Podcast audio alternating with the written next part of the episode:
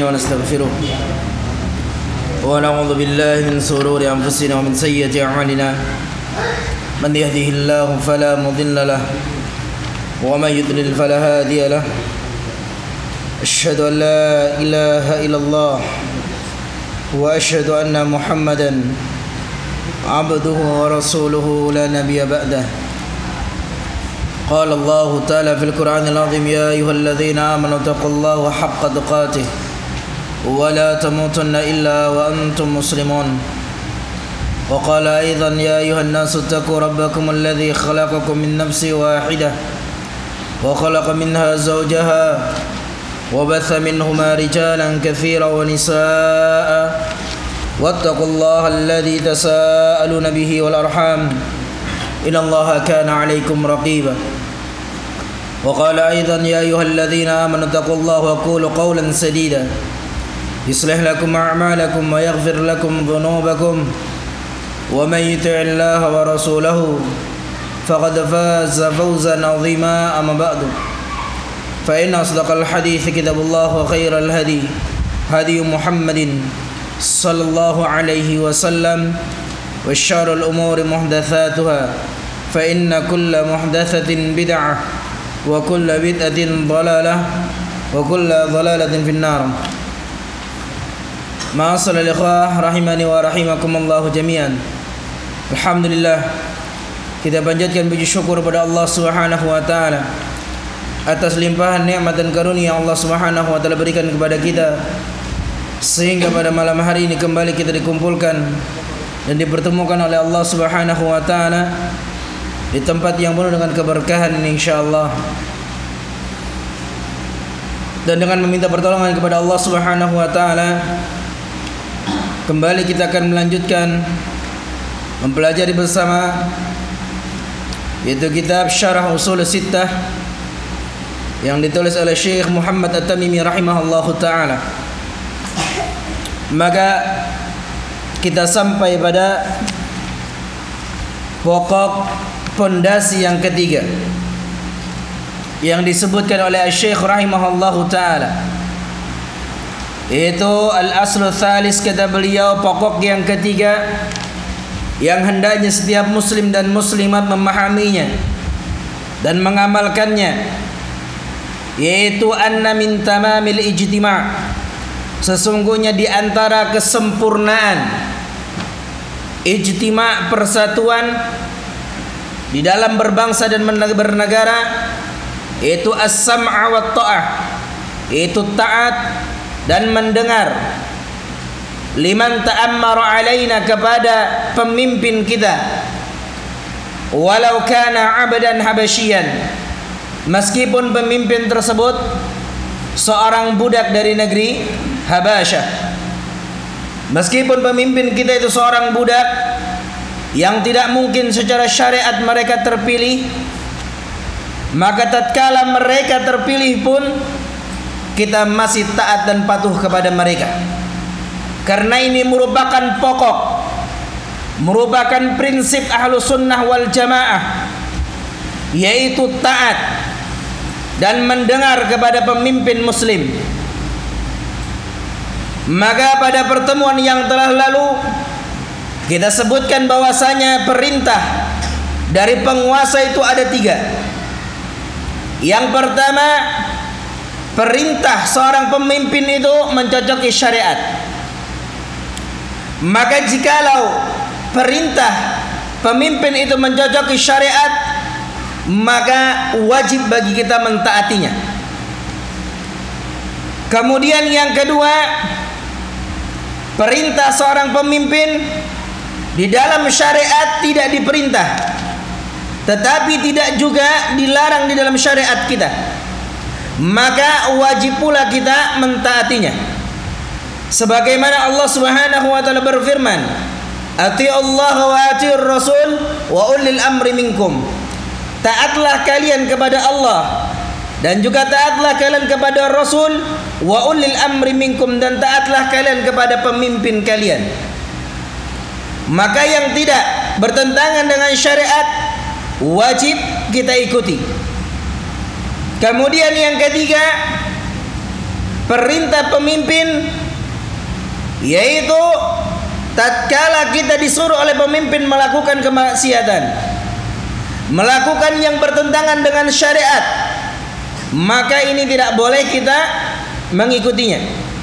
Karena hadis Nabi sallallahu alaihi wasallam la ta'ata li makhluqin fi ma'siyatil khaliq. Tidak ada ketaatan kepada makhluk di dalam bermaksiat kepada Allah Subhanahu wa taala tapi perlu diingat ya khana barakallahu fikum di sini tidak bermakna kita boleh membangkang kepada pemerintah. Bukan bermakna pula kita boleh melengserkan pemerintah. Bahkan memberontak kepada pemimpin kaum muslimin itu akan menjadikan dia termasuk dari kelompok-kelompok yang menyimpang. Jadi pemberontakan kepada kaum pemerintah kaum muslimin yang sah itu akan mengeluarkan dia dari kelompok ahlu sunnah wal jamaah. Dan juga ulama kemarin menjelaskan bahwasanya pemberontakan itu ada dua macam. Dan kedua-duanya dilakukan oleh kaum Khawarij, yaitu kelompok Khawarij. Nah, pemberontakan yang pertama yaitu pemberontakan dengan senjata. Pemberontakan dengan dengan senjata. Turun ke jalan dengan kekuatan senjata maka ya karena barakallahu fikum ini adalah perbuatan dari perbuatan orang-orang khawarij. Yang kedua, bentuk pemberontakan dengan kata-kata yaitu dengan menjelek-jelekkan pemerintah. Di khalayak ramai. Di media-media sosial. Di jalan-jalan. Sambil teriak-teriak menjelekkan pemimpin. Maka ini juga termasuk pemberontakan. Yang mana sebagaimana kita singgung tadi bahwasanya kedua pemberontakan ini semuanya dilakukan oleh sekte khawarij. Nah menasehati penguasa ikhwana barakallahu fikum itu adalah kewajiban menasehati seorang pemimpin itu adalah kewajiban tapi caranya bukan dengan menjelek-jelekan penguasa. Bukan menjelek-jelekan penguasa di khalayak terbuka.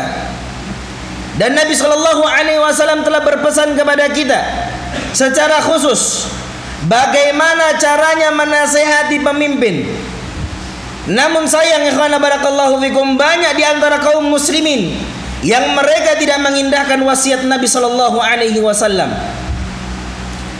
Dalam hadis yang diriwayatkan Al-Imam Ibnu Asim dalam kitab As-Sunnah dari sahabat Iyad bin Ghanam radhiyallahu taala anhu dan hadis ini pula disahihkan oleh Syekh Al-Albani rahimahullahu taala man arada an yansaha lil sultan fala yubdihi alaniyah kata Nabi sallallahu alaihi wasallam barang siapa yang dia ingin menasihati penguasa janganlah dia sampaikan dengan terang-terangan. Ini perintah Nabi Shallallahu Alaihi Wasallam kepada kita. Perintah yang sangat jelas. Bahwasanya menasihati pemerintah itu tidak dengan terang-terangan. Antum saja. Saya nasihati lagi taklim gini kira-kira antum terima apa tidak? Ya, antum punya kesalahan. Antum begini Mas Ari ini gini gini gini gini saya nasihati dia. Kira-kira nerima apa enggak? Mungkin nerima inggih inggih tapi dalam hati merongkol ya Ustadz ki maki-maki aku mesumnya aku padahal Ustadz nasihat nah karena barakallahu fikum bukan termasuk nasihat kalau kita menjelekan penguasa kita bahkan menjelekan mereka di tempat-tempat terbuka atau di media-media sosial dan lain-lainnya jadi ikhwanana barakallahu fikum tidak mungkin ada ulama sunnah. Tidak mungkin ada ustadz sunnah atau dai-dai sunnah lalu dia menjelek-jelekan pemerintah di khutbah Jumatnya, di ceramah-ceramahnya atau di medsosnya dan lain-lain. Tidak akan mungkin atau mendapatinya. Kenapa ya Karena itu menyelisih manhaj ahlu sunnah wal jamaah. Ya. Karena itu menyelisih manhaj ahlu sunnah wal jamaah yang mana bisa mengeluarkan pelakunya dari sunnah Nabi Shallallahu Alaihi Wasallam. Bahkan itu termasuk tanda-tanda ahlul hawa. Dan ahlul hawa yang pertama kali muncul yaitu adalah khawarij. Ahlul hawa eh, ahlul ahlul bidah. Nama halusnya ya kan? Nah, kalau kafir tidak boleh non non muslim. Berarti ini kalau ahlul bidah tidak boleh berarti ahlul hawa. Iya, baik. Kenapa ya kita tidak pernah mendapatkan ustadz-ustadz kita mencela pemerintah di media sosial ataupun di ceramah-ceramah mereka? Karena itu merupakan prinsip ahlu sunnah wal jamaah. Itu prinsip ahlu sunnah wal jamaah.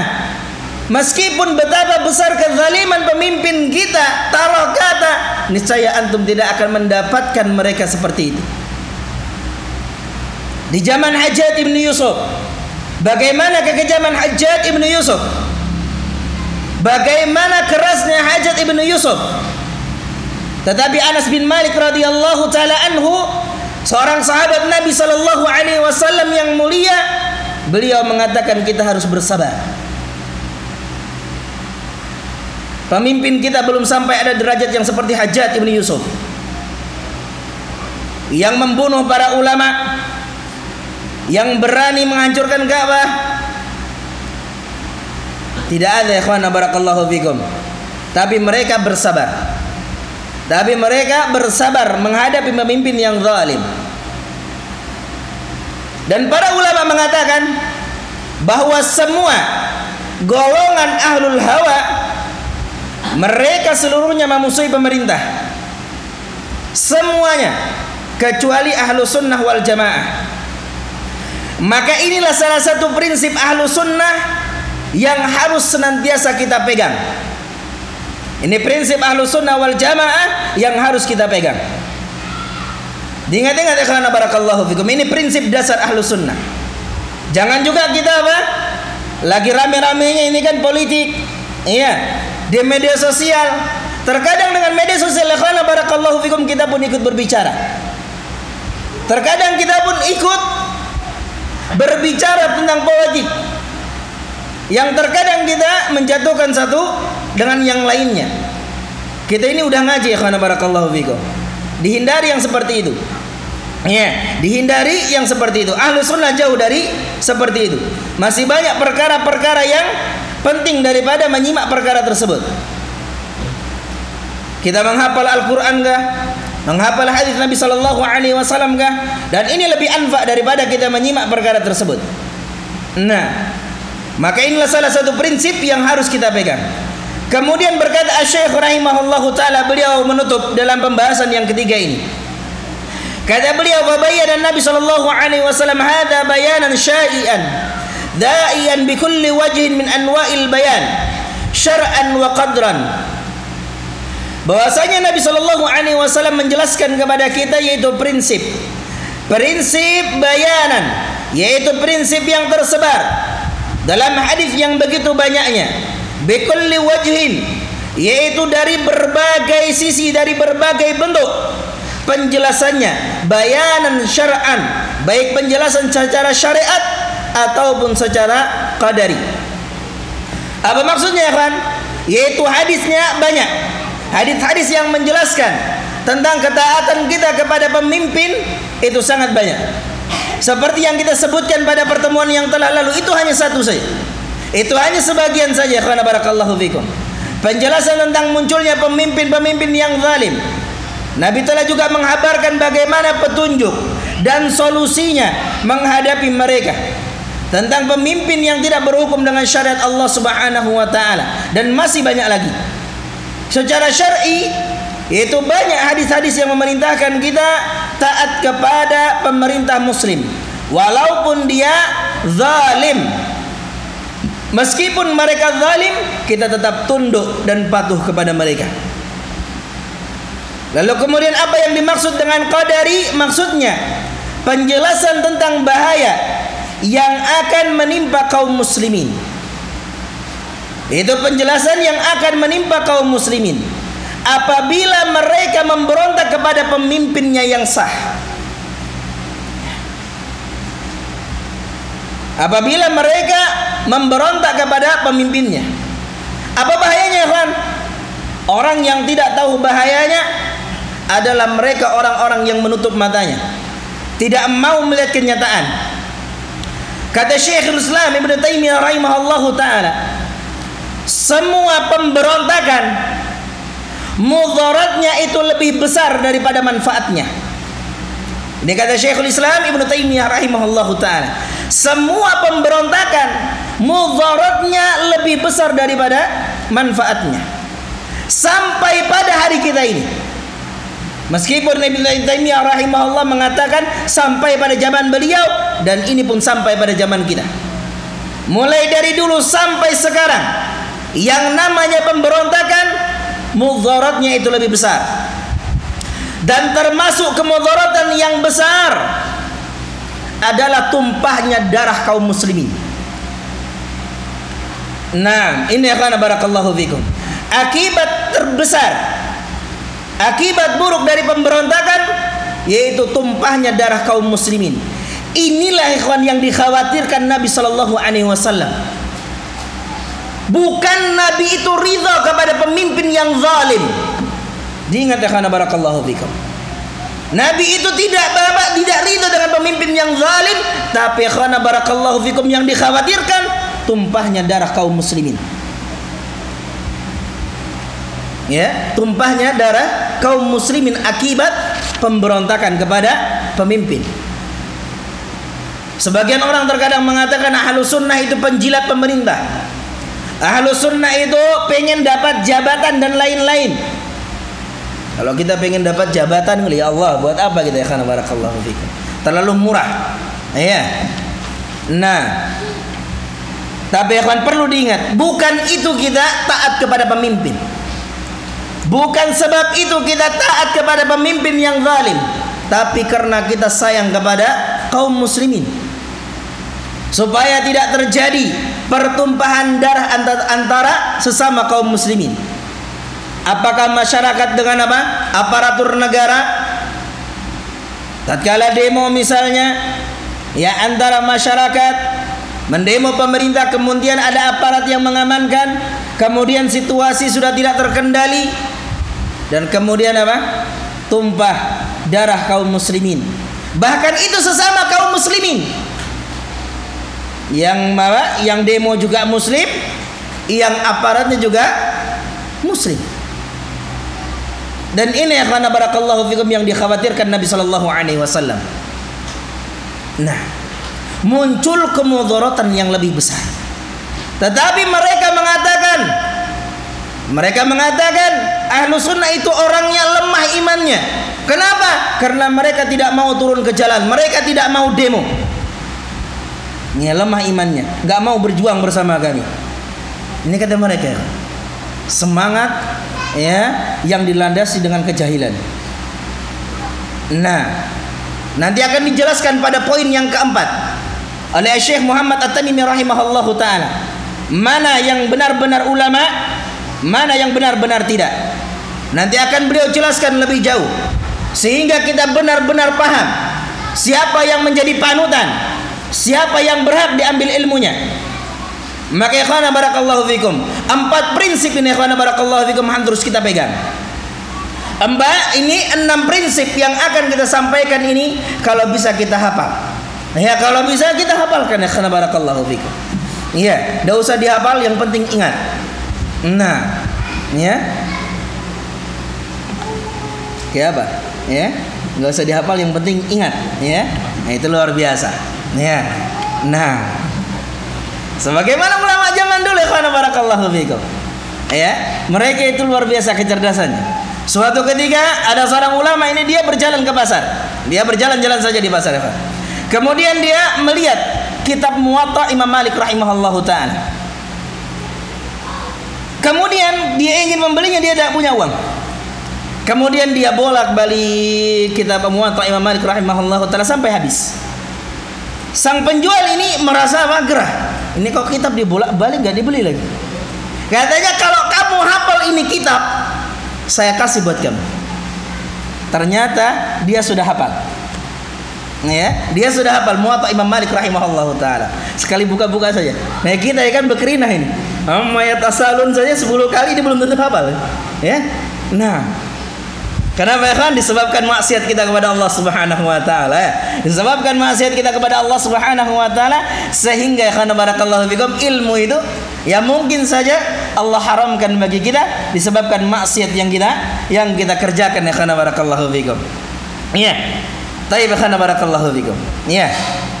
Tidak usah usah jauh-jauh ya kan barakallahu fikum. Yang terjadi di Yaman.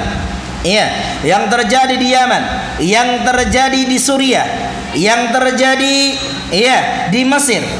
Iya, semuanya ya barakallahu fikum itu pemberontakan. Di Libya terjadi juga pemberontakan kepada pemimpinnya. Namun apa yang terjadi ya barakallahu fikum? Meskipun mereka meskipun mereka berhasil menurunkan pemimpinnya, namun yang terjadi pertumpahan darah kaum muslimin. Ini karena barakallahu fikum yang harus direnungi. Makanya kata Ibnu Qayyim rahimahullah taala seluruh pemberontakan itu mudaratnya lebih besar. Itu mudaratnya lebih besar. Bagaimana tidak? Darah kaum muslimin itu haram untuk ditumpahkan. Kemudian tumpah ya di saat seperti itu karena barakallahu fikum. Nah, ya. Yeah. Jadi kan ini yang dikhawatirkan Nabi Shallallahu Alaihi Wasallam muncul kemudaratan yang lebih besar. Tetapi orang yang mengedepankan emosinya dan tidak sanggup memikirkannya mana yang lebih bermanfaat dan mana yang lebih berbahaya bagi kaum muslimin? Mereka nggak kuat mikirnya kan? Yang penting semangatnya. Nah yang penting modal semangat. Ini pemimpin sudah nggak beres ini harus kita segera kita turunkan. Dia tidak memikir bagaimana kondisi kaum muslimin kalau benar-benar terjadi seperti apa yang di Suriah. Di saat kaum muslimin tidak memiliki kesiapan senjata dan sebagainya, kemudian mereka memberontak, akhirnya mati, mati konyol. Ya, sebagaimana kita sebutkan kemarin, empat syarat ya terpenuhinya seorang itu memberontak kepada pemimpin yang zalim. Yang pertama dia apa? Harus melihat. Ya, harus benar-benar melihat. Yang kedua memang dia itu kufur. Kekufuran yang jelas. Sebagaimana kita singgung pada yang telah lalu di Suriah, Basar Asyad itu kurang apa? Kurang kufur apa lagi? Kufur di atas kekufuran. Karena dia telah apa? menyembah Ali bin Abi Thalib. Tetapi satu syarat yang tidak dimiliki kaum muslimin yaitu mereka tidak memiliki kekuatan senjata. Sehingga mereka habis dibantai oleh kaum kufar. Nah, ini ya barakallahu fikum. Maka ulama itu tidak ada yang dahulu ya kan, tidak ada ulama yang menyuruh untuk mereka demo-demo itu tidak ada. Bahkan Syekh Al-Albani rahimahullah telah jauh memperingatkan mereka. Tapi seperti itulah karena barakallahu fikum. Orang-orang yang mereka mengatakan mereka orang-orang yang berakal, orang-orang yang berilmu. Ya, orang-orang yang mengatakan mereka berpegang dengan Al-Qur'an dan Sunnah tapi mereka tidak memahami Al-Qur'an sesuai dengan pemahaman para sahabat Nabi sallallahu alaihi wasallam yang terjadi adalah pertumpahan darah yang terjadi nah di negeri-negeri kaum muslimin. Nah, kemudian kata Syekh rahimahullahu taala, "Thumma sara hadzal aslu la ya'ridu inda aktsari man yadda'i ilmi fa kaifa ya'mal?"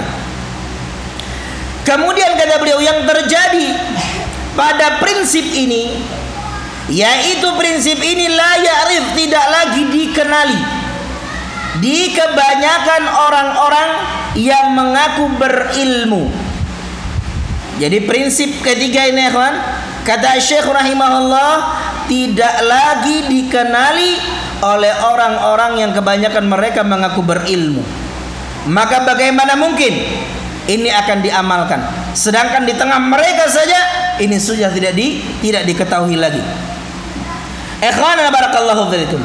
Prinsip ketaatan kepada pemerintah ini kata Syekh rahimahullah sudah tidak dikenali lagi pada kebanyakan orang yang mengaku berilmu. Masya Allah karena barakallahu fikum. Ya. Kalau kita perhatikan seolah Syekh rahimahullahu taala beliau berbicara tentang yang terjadi pada masa kita. Iya. Beliau berbicara seakan-akan yang terjadi di masa kita sekarang. Katanya dia berilmu. Katanya dia lulusan Madinah. Katanya dia lulusan suatu universitas yang terkemuka. Tapi dia memimpin orang turun ke jalan. Melakukan demo kepada pemerintah. Menjelek-jelekan pemimpin di media-media sosial. Maka ikhwana barakallahu fikum seakan-akan Syekh rahimahullah berbicara pada keadaan kita saat ini. Yaitu muncul orang-orang yang mengatakan mereka berilmu, lulusan S2, S3, sampai STLR pun keluar. Tapi mereka menyuruh manusia kepada turun untuk ke jalan, memberontak kepada pemerintah, mencaci maki pemerintah. Kalau ini kan sudah tidak dikenali lagi prinsip ini sudah tidak dikenali lagi, bagaimana umat akan mengamalkannya? Sedangkan orang yang berilmu ini tadi saja, orang yang mengaku berilmu tadi ini saja mereka sudah hilang prinsip ini. Lalu bagaimana umat akan mengamalkannya? Maka ikhwan inilah prinsip yang ketiga.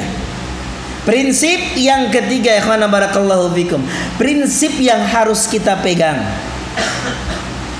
Yaitu ketaatan kepada pemimpin kaum muslimin itu merupakan pokok agama kita. Barang siapa yang mereka keluar dari kepemimpinan kaum muslimin maka mereka bukan dari kalangan ahlus sunnah wal jamaah karena ahlu sunnah wal jamaah prinsip mereka jelas. Prinsip mereka jelas yaitu berpegang teguh. Ya, untuk senantiasa taat dan patuh kepada pemimpin kaum muslimin. Meskipun mereka zalim. Meskipun mereka mengambil hak kita. Meskipun mereka menzalimi kita, sendaknya senantiasa kita taat kepada pemimpin kita karena ini merupakan prinsip Prinsip ahlu sunnah wal jamaah. Ingat bukan karena kita menjilat kepada pemimpin. Bukan pula karena kita menginginkan jabatan. Tapi karena Nabi Shallallahu Alaihi Wasallam memerintahkan kepada kita. Nabi memerintahkan kepada kita. Dan juga dalam rangka untuk menjaga tumpahnya darah kaum muslimin. Ikhwana barakallahu fikum. Bisa dipahami ya? Kaidah yang ketiga ini jelas, ya kan? Paham? sebagaimana yang beliau sebutkan di awal bahwasanya pembahasan kita ini bahkan orang yang hewa-hewe hola-holo sekalipun akan paham karena penjelasan ini gamblang ya karena barakallahu fikum karena semua sumbernya berdasarkan dari Al-Quran dan Sunnah Nabi Sallallahu Alaihi Wasallam tidak ada satupun yang samar bagi seorang hamba maka ikhwana barakallahu fikum ahlu sunnah wal jamaah prinsip mereka adalah taat dan patuh kepada pemimpin muslim. Ya, maka barang siapa yang ada mencaci pemerintah, maka ketahui dalam mereka termasuk ahlul hawa. Ya, ahlul hawa non bid'ah. Ya, taib. Barakallahu fikum ya khana barakallahu fikum. Fa insyaallah pekan datang kita akan masuk ya pada usul yang keempat. Ya, usul yang keempat ini ya Ini ada kaitan setiap Pasal itu pasti berkaitan. Berkaitan dengan satu yang lainnya. Maka kalau antum tidak turun satu dengan yang lainnya, wah ini nanti kacau urusannya ya. Jadi harus berkesinambungan. Ya. Tapi karena barakallahu fikum tadi juga ada dapat info dari Abu Zunaid katanya ya telah meninggal dunia ya. Nah